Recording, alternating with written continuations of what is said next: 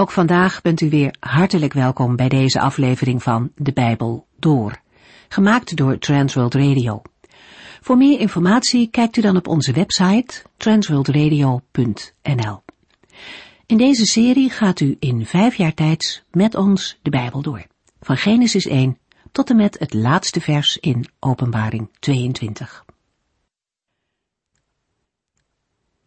We lezen vandaag verder in het boek Job. Mocht u de eerste afleveringen gemist hebben, dan kunt u die nog via internet beluisteren. Kijkt u dan op www.transworldradio.nl. Het Bijbelboek Job begint met een korte beschrijving van Job zelf. Kenmerkend voor deze rijke man is zijn toewijding aan de Heere God. Niet alleen voor zichzelf, maar ook in zijn gezin is dat de norm. Hij brengt offers voor zijn kinderen. Stelt u zich dat eens voor? Offers voor het geval zijn kinderen gezondigd zouden hebben. Job staat bij God op de bres voor zijn kinderen. In dat opzicht is hij nog steeds een voorbeeld, want kinderen hebben vaders nodig die voor hen bidden en pleiten bij God. Vervolgens zijn we in Job 1 getuigen van een bijzonder tafereel. De Bijbel geeft als het ware een kijkje achter de schermen. Dat laat zien dat er inderdaad veel meer is dan de zichtbare wereld om ons heen. Hoofdstuk 1 geeft een blik in de troonzaal van de Heere God. Ook de Satan komt daar en God zegt, heb je Job gezien? God heeft de trouw en liefde van Job gezien en hij is er blij mee. En dan volgt er een soort weddenschap tussen God en Satan. De laatste denkt dat Job God dient vanwege zijn voorspoed. De Heere geeft hem de ruimte om Jobs rijkdom af te pakken en Satan doet dat natuurlijk meteen. Ondanks dat laat Job de Heere niet los. Zijn vertrouwen op God staat los van zijn omstandigheden. En tegelijkertijd komt de vraag wel op, en die kennen we denk ik allemaal wel, de vraag waarom een liefdevolle en rechtvaardige God het lijden toelaat. Deze vraag uit Job is een vraag van alle tijden, en daar is niet een makkelijk en snel antwoord op te geven. In het vervolg van het boek Job zullen meerdere aspecten van deze vraag naar voren komen. Ook bij Job zien we dat, ondanks zijn erkenning van Gods soevereiniteit, het voor hem lang niet altijd makkelijk is om het eens te worden met de Heere. Nadat Job alles kwijtgeraakt is, verplaatst het verhaal zich naar hoofdstuk 2 opnieuw naar de hemel. En daar lezen we verder. Nadat Job al zijn bezittingen is kwijtgeraakt en zijn kinderen zijn omgekomen, neemt Job twee ons opnieuw mee naar de hemel. De eerste twee versen beginnen in grote lijnen met dezelfde woorden als bij de eerste ontmoeting tussen de Heere en de Satan. De engelen, de zonen van God, stellen zich op voor de Heere en ook de Satan is er weer bij. Een verklaring voor de aanwezigheid van de Satan is al eerder gegeven bij de uitleg van Job 1. Ook in dit verband is het opnieuw een teken van Gods heerschappij en de onderworpen positie van de Satan. De Heere vraagt waar hij is geweest, en de Satan antwoordt dat hij een tocht over de aarde heeft gemaakt. Net als bij de vorige ontmoeting vraagt de Heer of hij ook gelet heeft op zijn dienaar Job. Job 2, vers 3. En? Hebt u nu op mijn dienaar Job gelet? vroeg de Heer.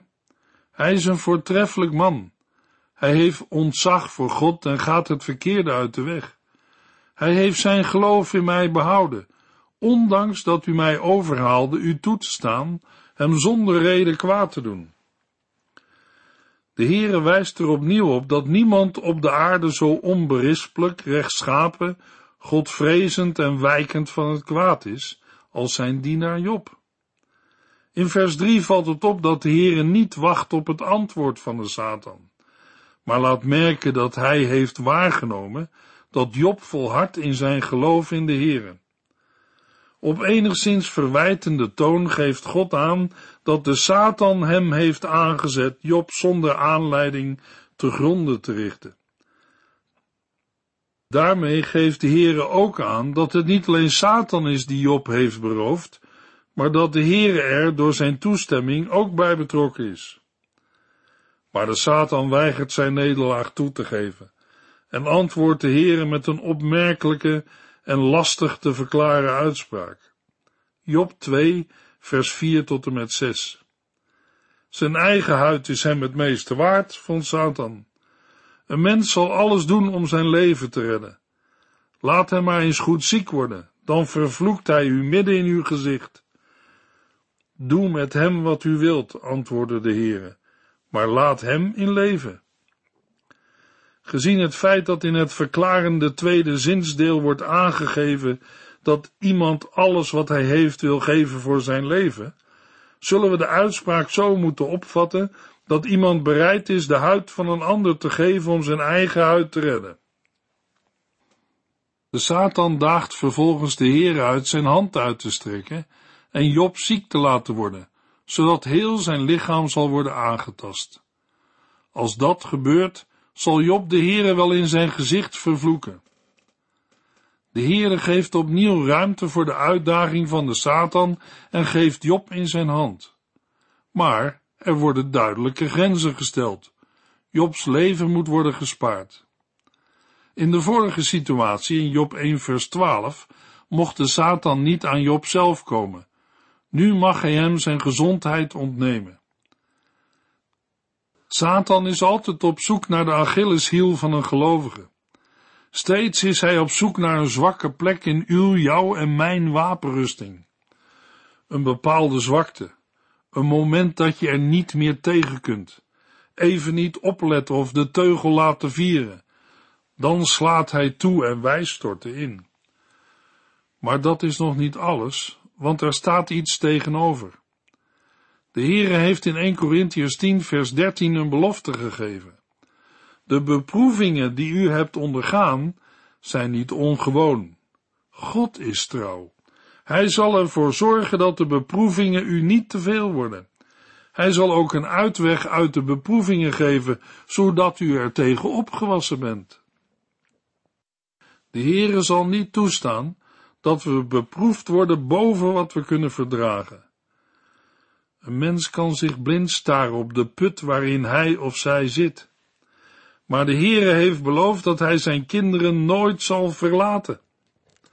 God is trouw. Hij zal ervoor zorgen dat de beproevingen u niet te veel worden. Hij zal ook een uitweg uit de beproevingen geven, zodat u er tegen opgewassen bent. Geloven wij de Heer op zijn woord? Nee, dat is niet gemakkelijk. Zeker als je niets ziet van zijn uitweg uit de beproevingen. Toch is het zo dat de Heere, waar u ook bent en waar u ook doorheen gaat of moet, hij in staat is een uitweg te geven uit de beproevingen en kracht om er tegen opgewassen te zijn. Dat is een grote troost voor een mens die door een donker dal moet lopen. David weet erover mee te praten. Hij schrijft in Psalm 23, vers 4: Zelfs als ik door een donker dal moet lopen, ben ik niet bang, want u bent dicht bij mij. Uw herderstaf beschermt mij en begeleidt mij heel de weg. Wij weten niet wat een dag zal brengen.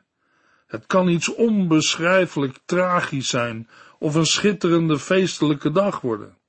Wat het ook is. De Heere belooft, ik zal ook een uitweg uit de beproevingen geven, zodat u er tegen opgewassen bent. Satan is een leugenaar. Hij zegt dat Job alles zal doen om zijn leven te redden, zelfs het vervloeken van de Heere. Heeft de Satan gelijk? Hoeveel mensen hebben de Heere verlaten, omdat zij met de beproeving in hun leven niet overweg konden en de Heere de schuld gaven? Ze riepen naar de hemel, God, waarom laat u dit toe? Waarom moet mij dit overkomen? Alle mensen, gelovig of niet, hebben zulke momenten. En hoe komt de mens daar doorheen? Mogelijk kunnen we leren van de ervaringen van Job. Job 2, vers 7 en 8. Satan verliet de Heer en trof Job met vreselijke zweren. Van top tot teen zat hij onder. Job pakte een potscherf om zich mee te krabben en ging buiten de poort midden in het stof en vuil zitten.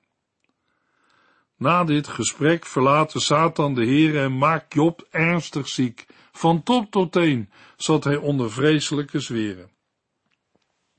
Het Hebreeuwse woord voor zweer is afgeleid van een woord dat branden betekent en zal duiden op een branderige of hete plek. Van de precieze aard van de ziekte valt weinig te zeggen.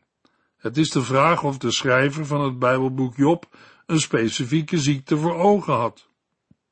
Uit de beschrijvingen in de volgende hoofdstukken komen we meer te weten over Jobs ziekte. Zijn huid verschilvert en laat los. Er worden korsten gevormd en er komen zelfs wormen. Job heeft een zeer slechte adem en zijn botten steken door zijn vermagerde lichaam. Hij is fel overbeen. De ziekte veroorzaakt voortdurend knagende pijnen en ernstige koorts. Door de ziekte is Job nauwelijks te herkennen. Naast al deze lichamelijke moeite en klachten wordt Job ook nog gekweld door allerlei angsten en nachtmerries. De ontzettende jeuk drijft Job ertoe om een potscherf te pakken en zichzelf ermee te krabben. De tekst vermeldt dat Job buiten de poort midden in het stof en vuil ging zitten. Het is mogelijk dat hier wordt gedoeld op een ashoop buiten de stad, waar Job als drager van een ernstige en mogelijk besmettelijke ziekte naartoe werd verbannen. Volgens een middeleeuwse Joodse uitlegger duidt het zitten in het stof op rouw. Maar het is waarschijnlijker een verband te leggen met Leviticus 13, waar leiders aan huidziekte verbannen worden buiten de legerplaats. De plaats wordt wel in verband gebracht met een locatie waar mest werd gebracht. Meestal werd deze mest verbrand, waarna er alleen as overbleef.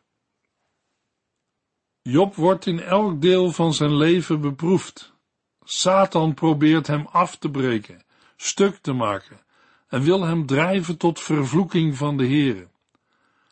Job heeft zijn rijkdom en bezit verloren, zijn kinderen, en nu wordt zijn lichaam aangevallen. Er lijkt geen menselijke verklaring voor de moeite en ziekte van Job. Het is geen straf voor zijn zonde en alles zou zonder enige zin en bedoeling zijn, als de Heere zelf geen verklaring had gegeven in het eerste hoofdstuk. Kortom, zonder juist inzicht kunnen wij mensen het lijden van Job en alles wat hem is overkomen niet goed inschatten en blijven er alleen maar vragen over en een verwijtende blik naar de Heere. Daarom geeft de Heer aan het begin van het Bijbelboek inzicht in wat er in de zichtbare, maar ook wat er in de onzichtbare wereld is gebeurd. Alleen het laatste geeft zicht op de diepere achtergronden. Wat Job overkwam was voor een goddelijk en heilig doel. De Heer had goede redenen om deze weg voor Job toe te laten.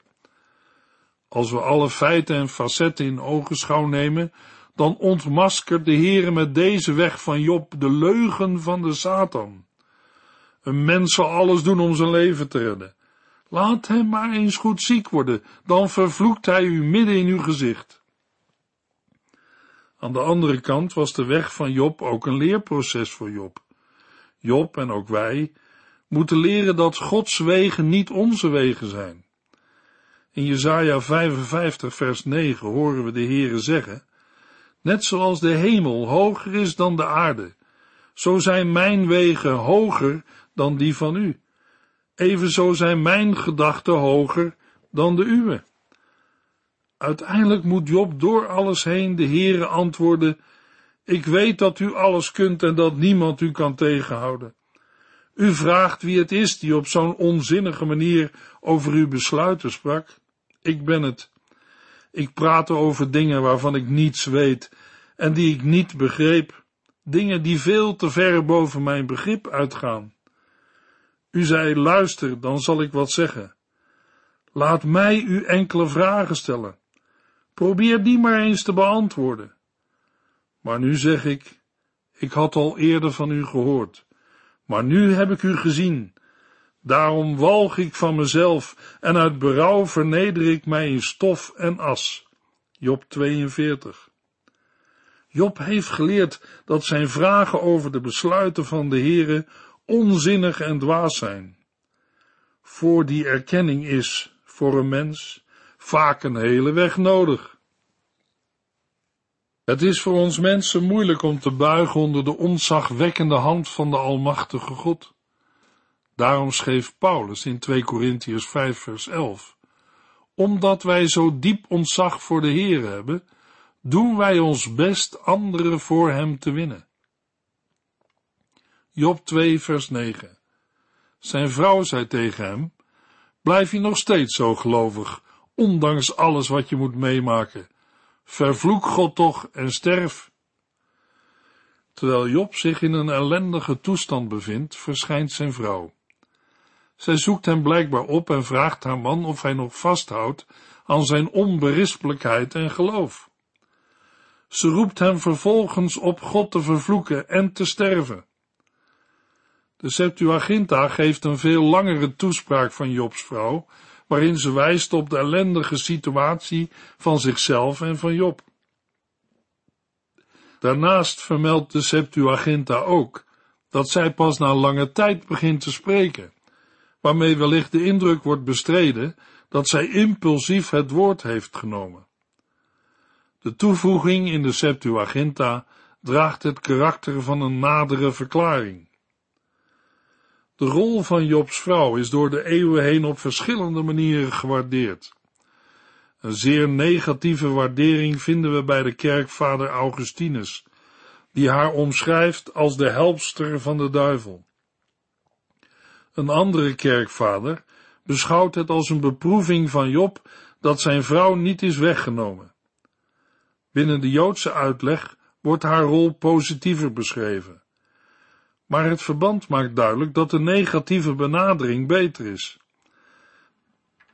Het is zelfs aannemelijk dat de Satan niet alleen natuurrampen en ziekte zendt, maar ook door middel van verkeerde adviezen probeert Jobs afval van God te bewerken. Want dan zou de Satan de winnaar zijn in het geding met God.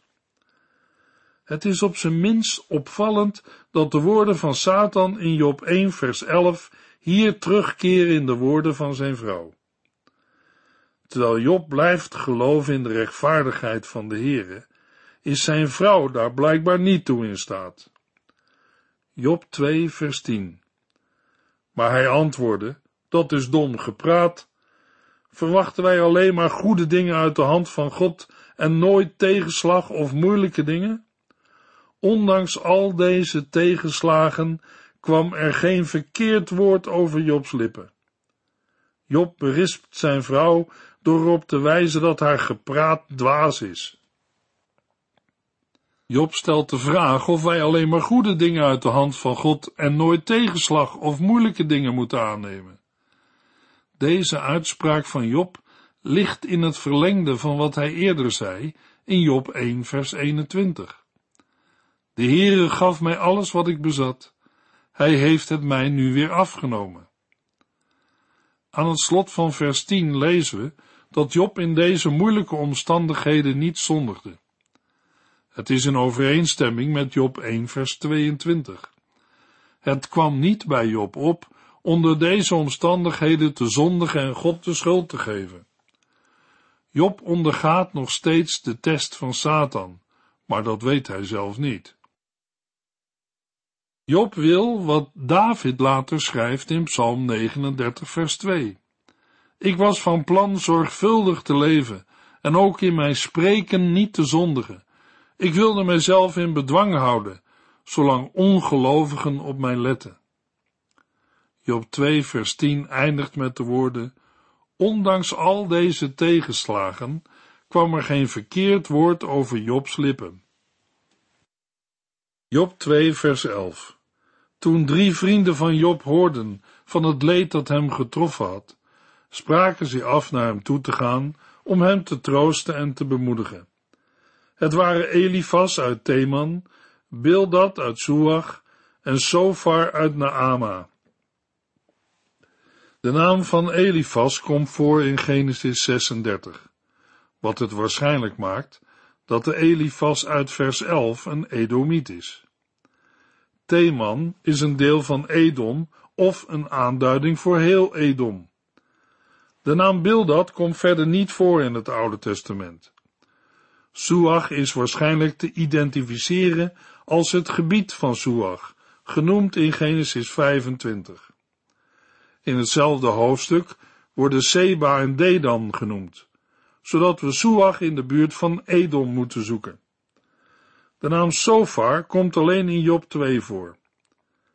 Er bestaan verschillende gebieden en plaatsen met de naam Naama. De naam komt voor als een stad in Juda, als een plaats in Centraal-Arabië en als een van de stammen van de Sabeërs. De Septuaginta duidt Elifas en Sofar aan als koning en Bildad als soeverein of vorst.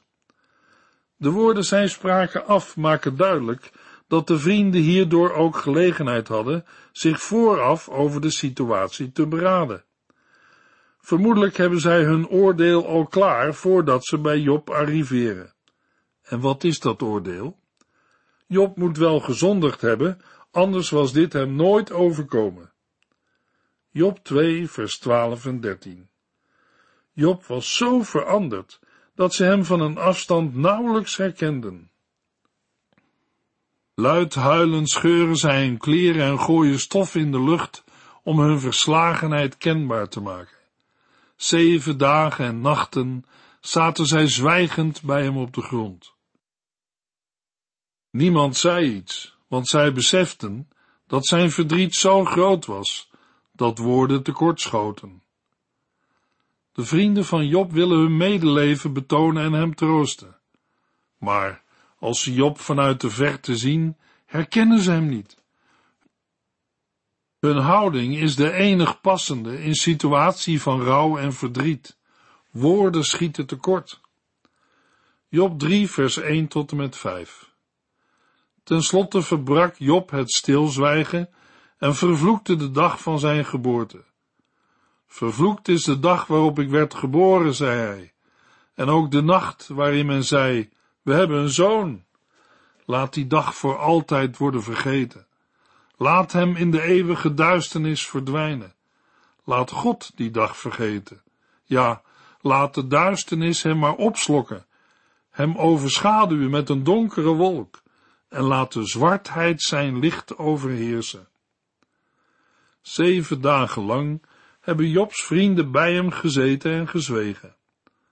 Alles bij elkaar leidt Job al geruime tijd. Na de periode van zeven dagen doorbreekt Job zelf het stilzwijgen. Hij opent zijn mond en vervloekt zijn geboortedag. Hiermee spreekt Job uit dat hij wilde nooit geboren te zijn. In de versen 4 tot en met 10 gaat hij er verder op in. Hij spreekt uit dat de dag van zijn geboorte duisternis mag worden. Hij wenst dat de Heer in de hoge er niet op let en dat hij er geen licht op laat schijnen. Deze woorden doen denken aan de eerste scheppingsdaad, toen God het licht liet schijnen in de duisternis. Job vraagt of God de scheppingsdaad van zijn geboorte ongedaan wil maken. Job 3, vers 6 tot en met 12. Laat hem maar van de kalender verdwijnen, zodat hij nooit meer wordt beschouwd als een dag van die maand in dat jaar. Laat het een doodse en vreugdeloze nacht zijn. Laten de geoefende vervloekers, die het zelfs wagen, het zeemonster Leviathan op te hitsen, hem maar vervloeken. Laat de sterren van die nacht verdwijnen en laat hem verlangen naar het morgenlicht, zonder het ooit te zien. Vervloek hem, omdat hij mijn moederschoot niet gesloten hield en mij geboren liet worden, zodat ik nu al deze ellende met mijn eigen ogen moet zien. Waarom ben ik niet dood ter wereld gekomen of tijdens de geboorte gestorven? Waarom hebben knieën mij opgewacht? Waarom borsten om mij te voeden? Job gaat in op de nacht waarin hij werd verwekt. Hij wenst dat duisternis die fatale nacht vasthoudt en dat die dag geen plaats krijgt op de kalender. In het volgende vers roept hij zelfs vervloekers in om dit moment te vervloeken. We zullen hierbij moeten denken aan een persoon als Biliam, die opdracht kreeg Israël te vervloeken. Het kan verbazing wekken dat Job de hulp van dergelijke personen inroept. Maar daarbij moeten we niet vergeten dat Job geen Israëliet was en kunnen wij de wetgeving van de Sinaï niet als bekend veronderstellen. Hoe we zulke praktijken ook beoordelen, we moeten ervan uitgaan dat Job alleen wensen uit en de hulp van zulke personen niet daadwerkelijk heeft ingeroepen. Hoe zouden zij trouwens ooit een geboortedag ongedaan kunnen maken? Dat gaat hun macht te boven. Job ondergaat heftige emoties en spreekt uit wat in hem leeft. De vervloekers worden in vers 8 omschreven als degene die het zelfs wagen het zeemonster Leviathan op te hitsen.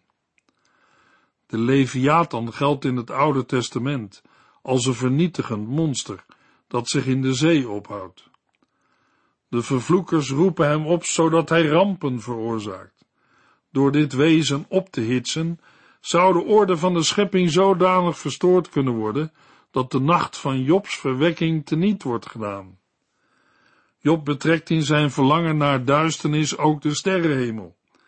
Deze nacht mag nooit een dag worden. In het slotvers van dit gedeelte geeft Job aan waarom hij deze nacht verwenst. Omdat hij mijn moeders schoot niet gesloten hield en mij geboren liet worden. In vers 13 verwoordt Job het nog een keer. Was ik maar bij mijn geboorte gestorven, dan zou ik nu van de rust genieten. In de volgende uitzending lezen we Job 3 vers 14 tot en met 26. U heeft geluisterd naar De Bijbel Door, in het Nederlands vertaald en bewerkt door Transworld Radio. Een programma waarin we in vijf jaar tijd de hele Bijbel doorgaan. Als u wilt reageren op deze uitzending of u heeft vragen, dan kunt u contact met ons opnemen. Tijdens kantooruren kunt u bellen op 0342 47 8432 0342 47 8432.